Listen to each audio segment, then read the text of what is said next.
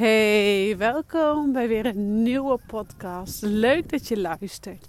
En dit keer ben ik aan de wandel, dus de wind die waait af en toe een beetje om de oren. Ehm, maar vandaag wil ik het met je hebben over vluchten, over vluchtgedrag. Vluchten kan niet meer. Ja. Oké, de reden waarom deze podcast ontstaat is eigenlijk dat ik de laatste tijd um, heb ik veel aan mijn hoofd gehad.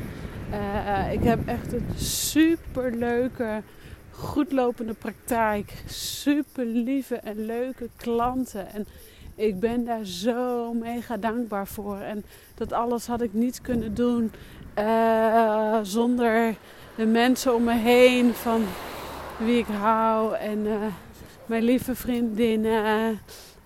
Um, die me steunen en die me begrijpen. En, maar ook natuurlijk jullie allemaal. Ik bedoel, uh, zo lief reacties krijg ik altijd van iedereen. En de laatste tijd ben ik heel druk geweest met het afronden van mijn opleiding. Uh, examens. Uh, veel van huis daardoor. Ehm, tripje naar Parijs. En um, paar weken geleden tijdens uh, de afronding van mijn opleiding. Ik had meerdere modules sneller achter elkaar. Waardoor er best wel veel shifts in mij in een korte tijd plaatsvonden. En waardoor er veel op persoonlijk vlak voor mij veranderde. Uh, veel shit uitgewerkt, om zo maar te zeggen, zoals ik het eigenlijk ook altijd benoem.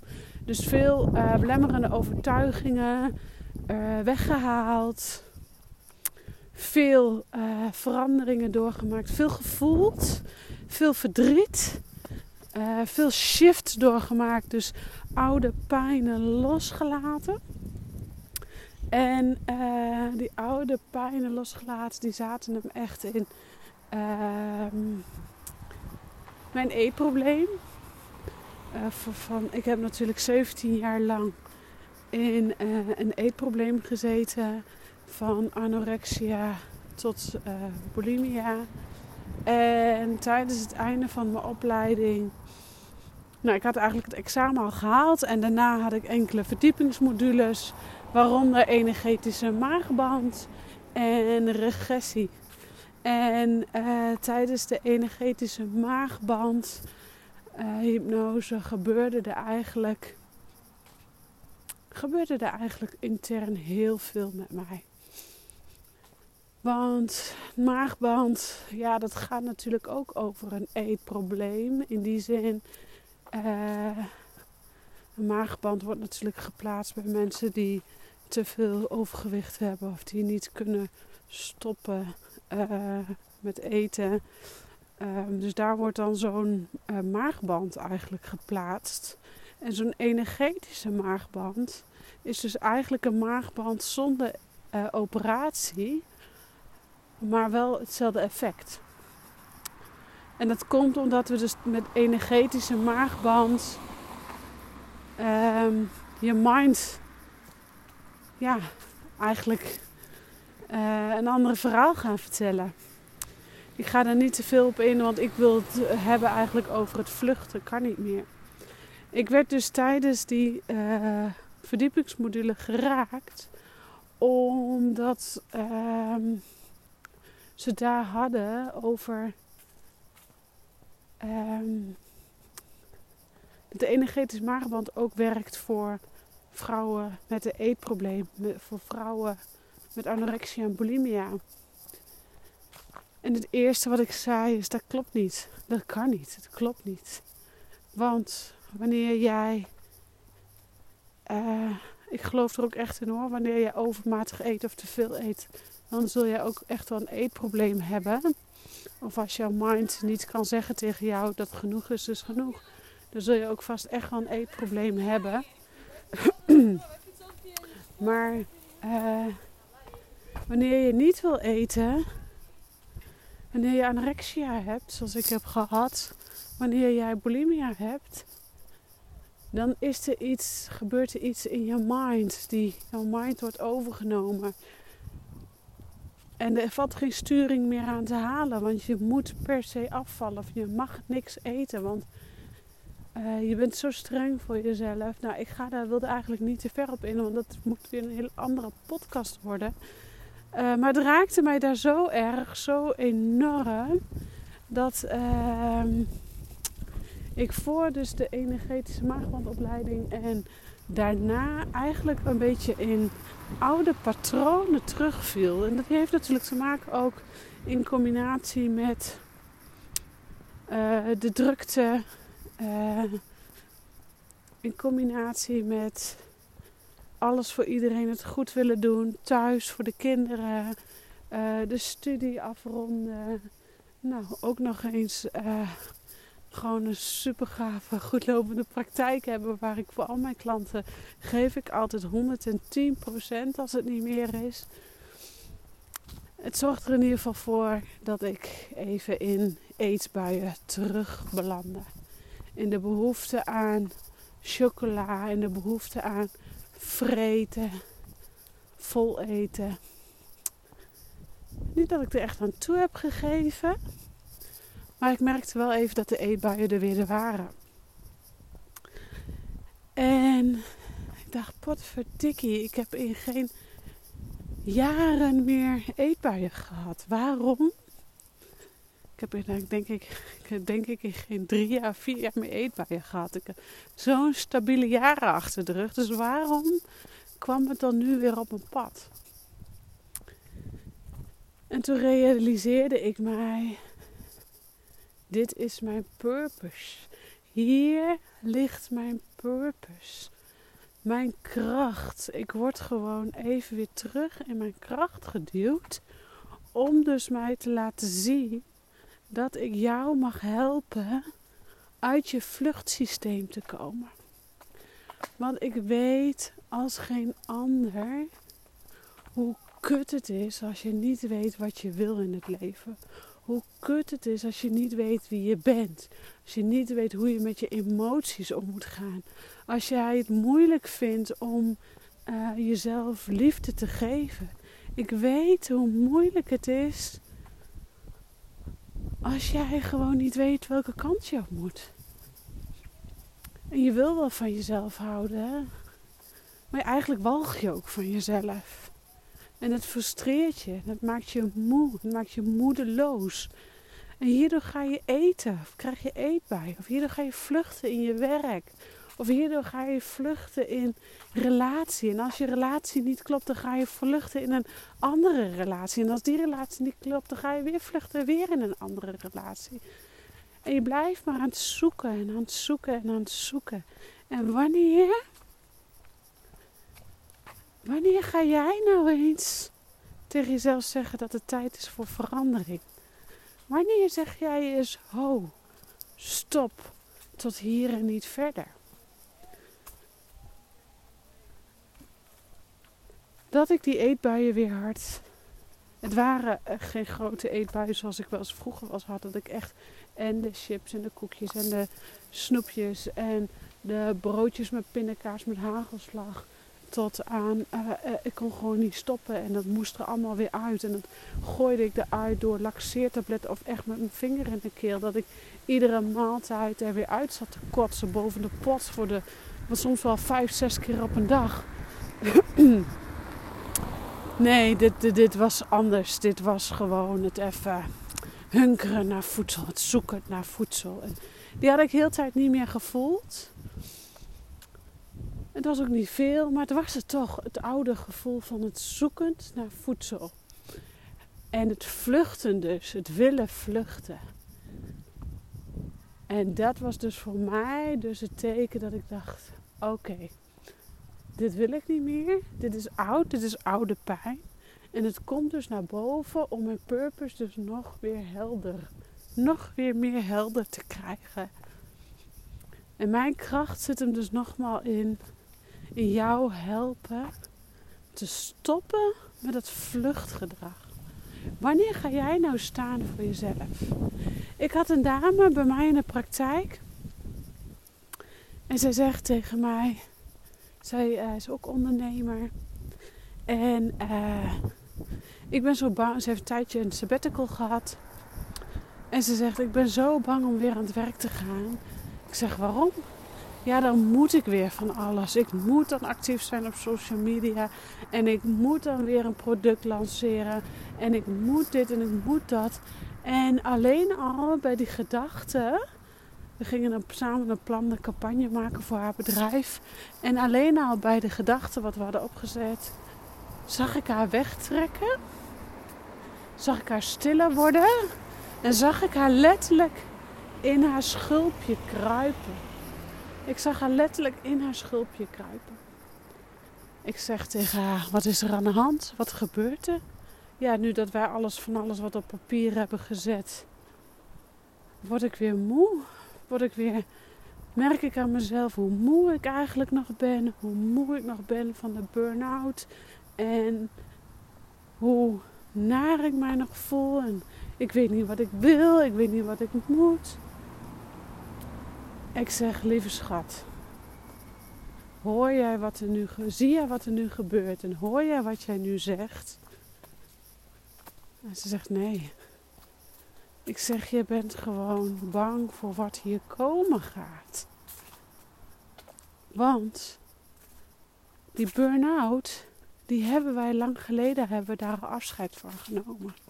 Al heel lang geleden heb jij daar afscheid van genomen.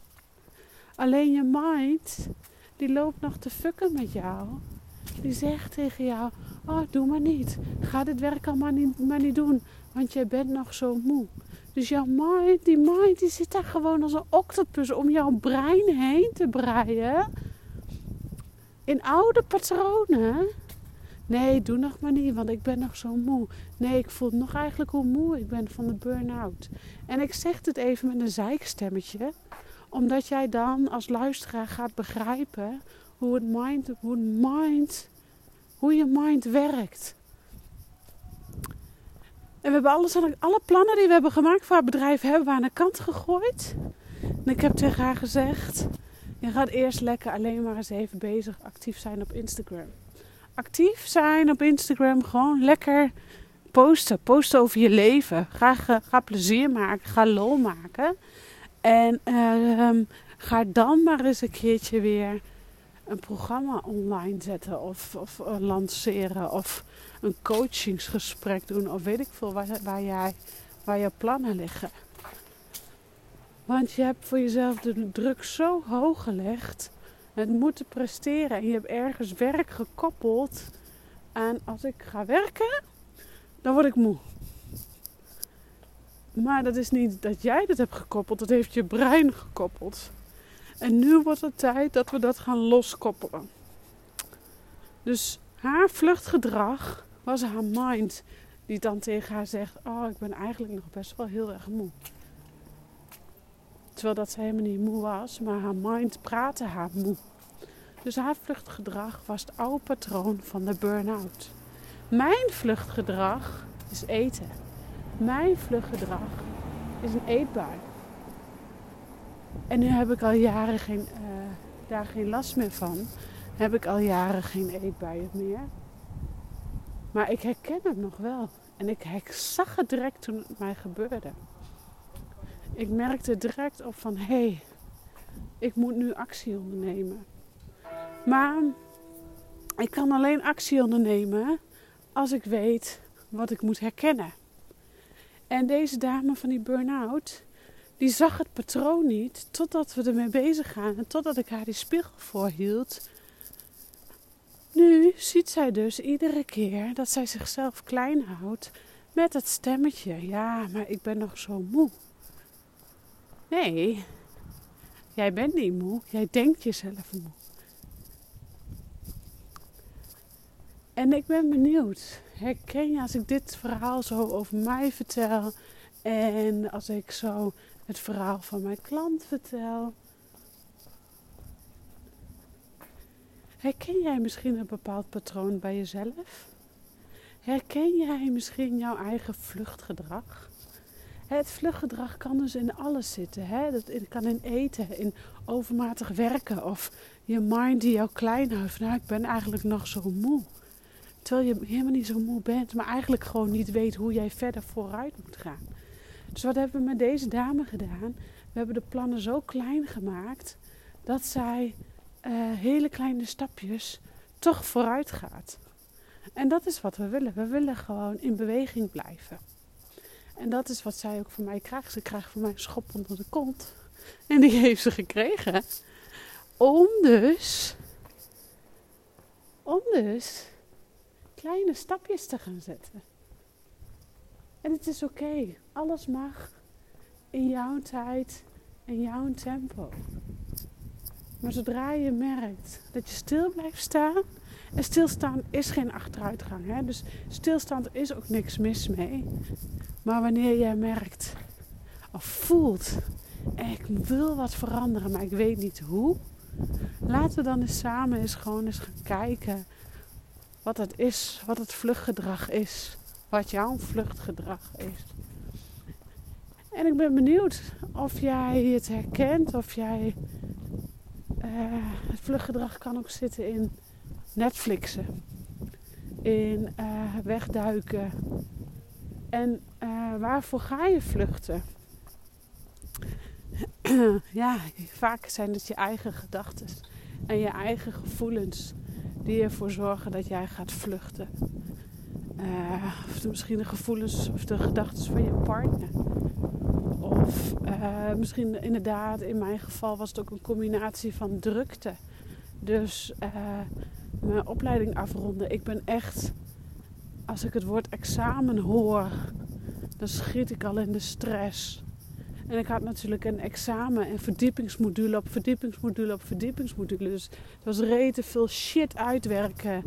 En opnieuw weer in je energie en in je kracht komen. Dus ja, voor mij was het inderdaad een combinatie van mijn eigen druk hoog leggen. En overal tegelijkertijd 120% willen presteren. Um, dus ik vluchtte even weer in de eetbuien. Maar wat is jouw vlucht en waarom ga je vluchten? En ik snap dat dit heel moeilijk is. Ik snap ook dat het heel moeilijk is om jezelf aan te kijken in de spiegel. En daar eens mee, mee bezig te gaan. Maar weet dat je het niet alleen hoeft te doen. Ik voel zo mijn purpose om jou te helpen. En dat hoeft niet alleen met hypnose. Dat kan ook met een goed gesprek. Dat kan ook alleen al met een goed gesprek. En bij de klant net van die burn-out. Ja, daar hebben we eerst een goed gesprek gehad. We hebben eerst ik heb haar eerst die spiegel voorgehouden. We hebben eerst gekeken naar die octopus om haar brein heen. Die octopus die haar klein houdt. Die zegt, ah, doe maar niet. Ah, je kan het niet. Hou, hè, hou het maar klein. Of nee, um, ga maar niet werken, want dan word je weer moe. Dan kom je weer in die burn-out. Daarna zijn we de hypnose ingegaan.